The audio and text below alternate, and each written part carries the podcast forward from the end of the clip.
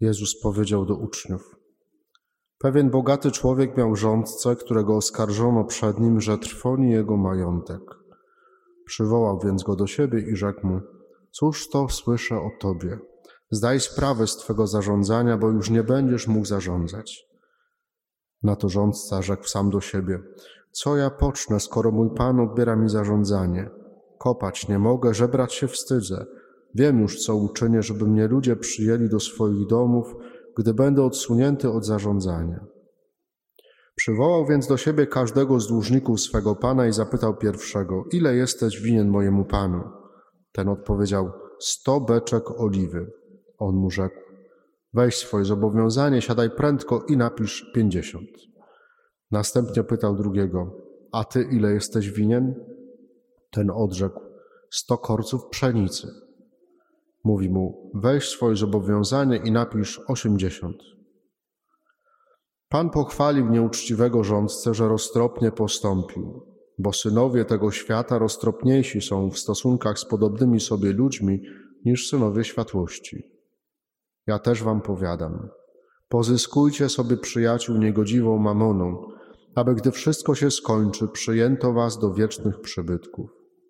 Kto w bardzo małej sprawie jest wierny, ten i w wielkiej będzie wierny. A kto w bardzo małej sprawie jest nieuczciwy, ten i w wielkiej nieuczciwy będzie. Jeśli więc w zarządzaniu niegodziwą mamoną nie okazaliście się wierni, to kto wam prawdziwe dobro powierzy? Jeśli w zarządzaniu cudzym dobrem nie okazaliście się wierni, to któż wam da wasze? Żaden sługa nie może dwom panom służyć, gdyż albo jednego będzie nienawidził, a drugiego miłował, albo z tamtym będzie trzymał, a tym wzgardzi. Nie możecie służyć Bogu i mamonie. Kilka lat temu papież Franciszek e, wywołał prawdziwą burzę medialną, kiedy na spotkaniu z księżmi swojej diecezji, czyli diecezji rzymskiej, upomniał ich, żeby nie brali pieniędzy za sprawowanie sakramentów. E, I, I wtedy rzeczywiście wybuchła wielka bomba. To wszystko było cytowane w wielu mediach na całym świecie. E, dlatego, że mm, ten temat finansów Kościoła, zarządzania, sposobu zarządzania tymi finansami zawsze był, jest i będzie tematem e, delikatnym, czy też drażliwym, tematem, który wywołuje wiele emocji, który można, używając języka współczesnych mediów, jest klikalny. Wystarczy taki artykuł, żeby zatytułować e, coś tam, żeby było o księdzu i pieniądzach i od razu ten temat, ten artykuł będzie wiele razy klikany i będzie przynosił dużo pieniędzy od reklamodawców. E, Oczywiście musimy pamiętać o tym, że kontekst tu jest ważny, że papież wypowiada te słowa do księży swojej decyzji, czyli we Włoszech, gdzie jest podatek kościelny i księża, jak urzędnicy państwowi, dostają wypłatę z państwa, a oprócz tego jeszcze brali pieniądze za sprawowane sakramenty. I to e, krytykuje papież Franciszek. Natomiast sytuacja w Polsce jest, doskonale wiemy o tym, jest inna E, że w Polsce księża żyją z tego, co im złożą w ofierze parafianie. Utrzymują się z ofiar parafian. Oczywiście w różnych rejonach Polski też to różnie wygląda. E, nasza decyzja to jest w ogóle ewenement na skalę kraju. E, natomiast jak to szczegółowo w naszej decyzji wygląda, w naszej parafii, to wystarczy zajrzeć na naszą stronę parafialną i tam zobaczyć. Tam jest to wszystko E, myślę, w miarę e, jasno i czytelnie rozpisane.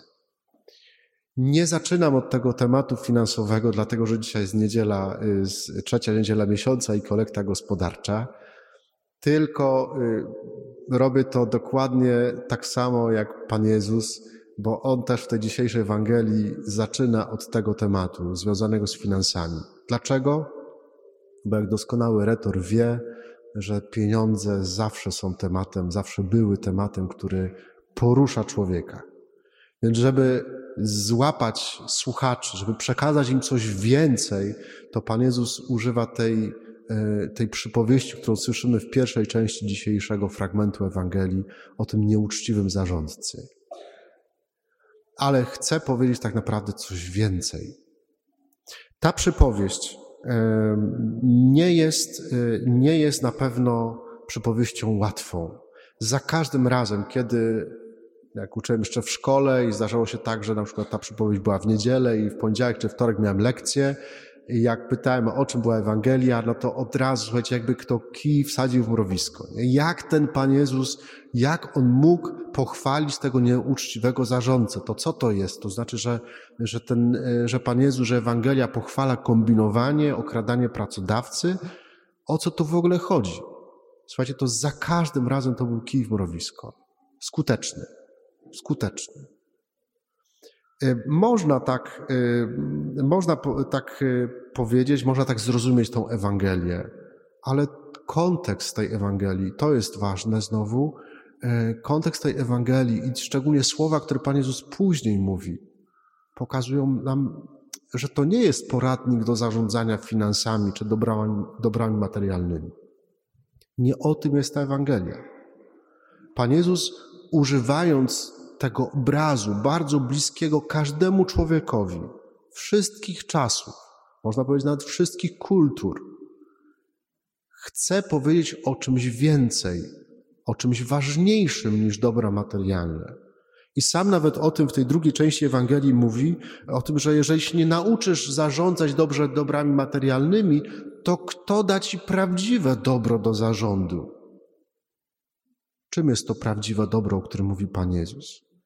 Znowu ważny jest, żeby to odkryć, ważny jest kontekst tej Ewangelii. Ten dzisiejszy fragment Ewangelii to jest początek 16 rozdziału Ewangelii świętego Łukasza. W zeszłym tygodniu czytaliśmy 15 rozdział, to jest dalszy ciąg. I w zeszłym tygodniu słuchaliśmy tak zwanej Ewangelii w Ewangelii, czyli tych trzech przypowieści o Bożym miłosierdziu względem człowieka, o zagubionej owcy, o zgubionej drachmie i o miłosiernym ojcu i synach marnotrawnych. To była zeszłotygodniowa Ewangelia. I pamiętacie, w zeszłym, roku, w zeszłym tygodniu mówiłem o tym, że te Ewangelie są o tym, jak Pan Bóg nas obdarowuje, jak my jesteśmy, używając języka dzisiejszego fragmentu, jak jesteśmy bogaci w Boże miłosierdzie, w Bożą łaskę że ta troska Pana Boga wyraża się bardzo konkretnie w trosce o nasze codzienne życie. I my jesteśmy y, obdarowani łaską Pana Jezusa. Każdy z nas. I to jest kontekst do dzisiejszej Ewangelii. Pan Jezus mówi dalej.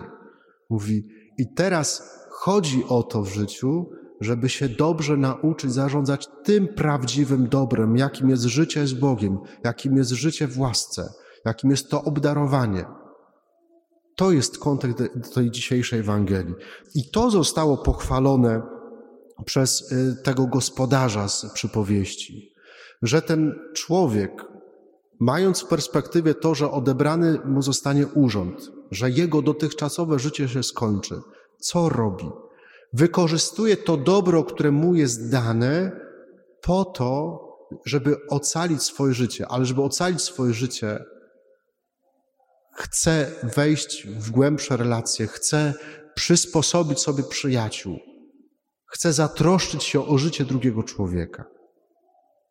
Pochwalone jest to w tej przypowieści, że on zadbał o swoje życie, dbając o życie innych.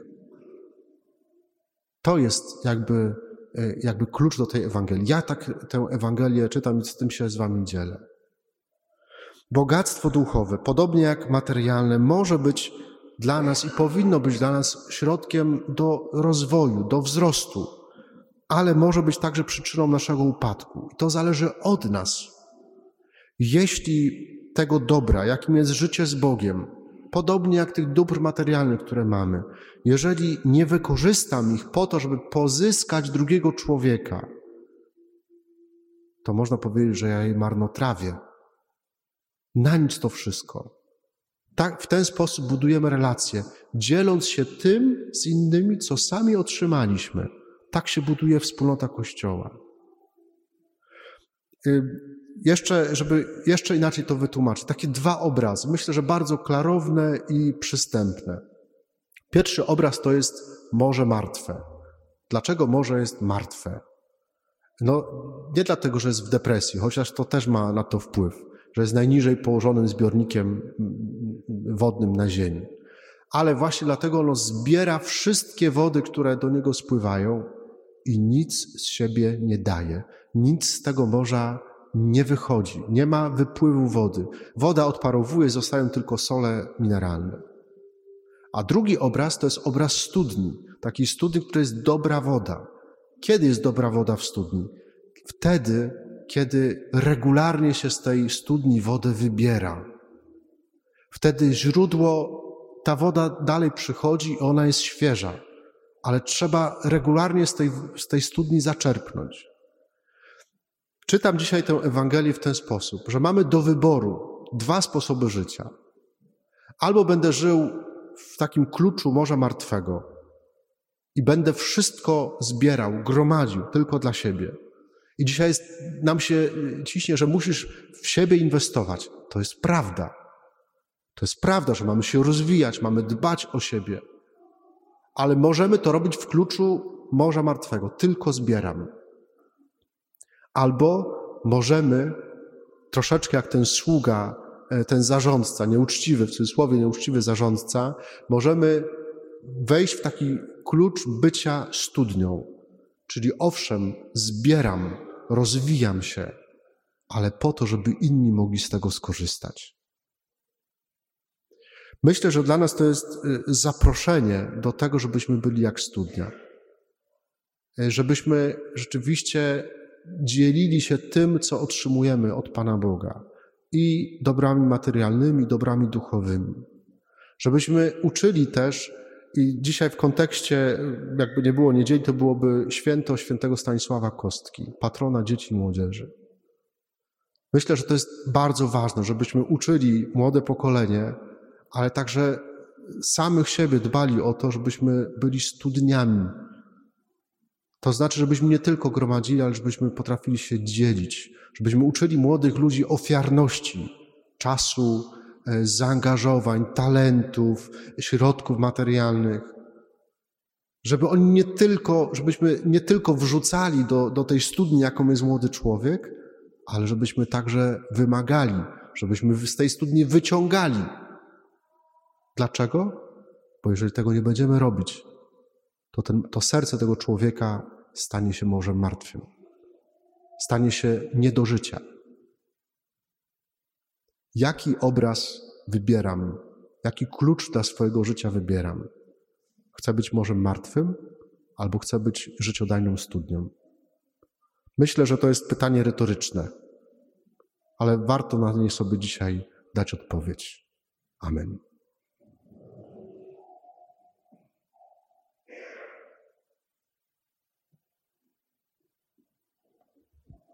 Wierzę w jednego Boga,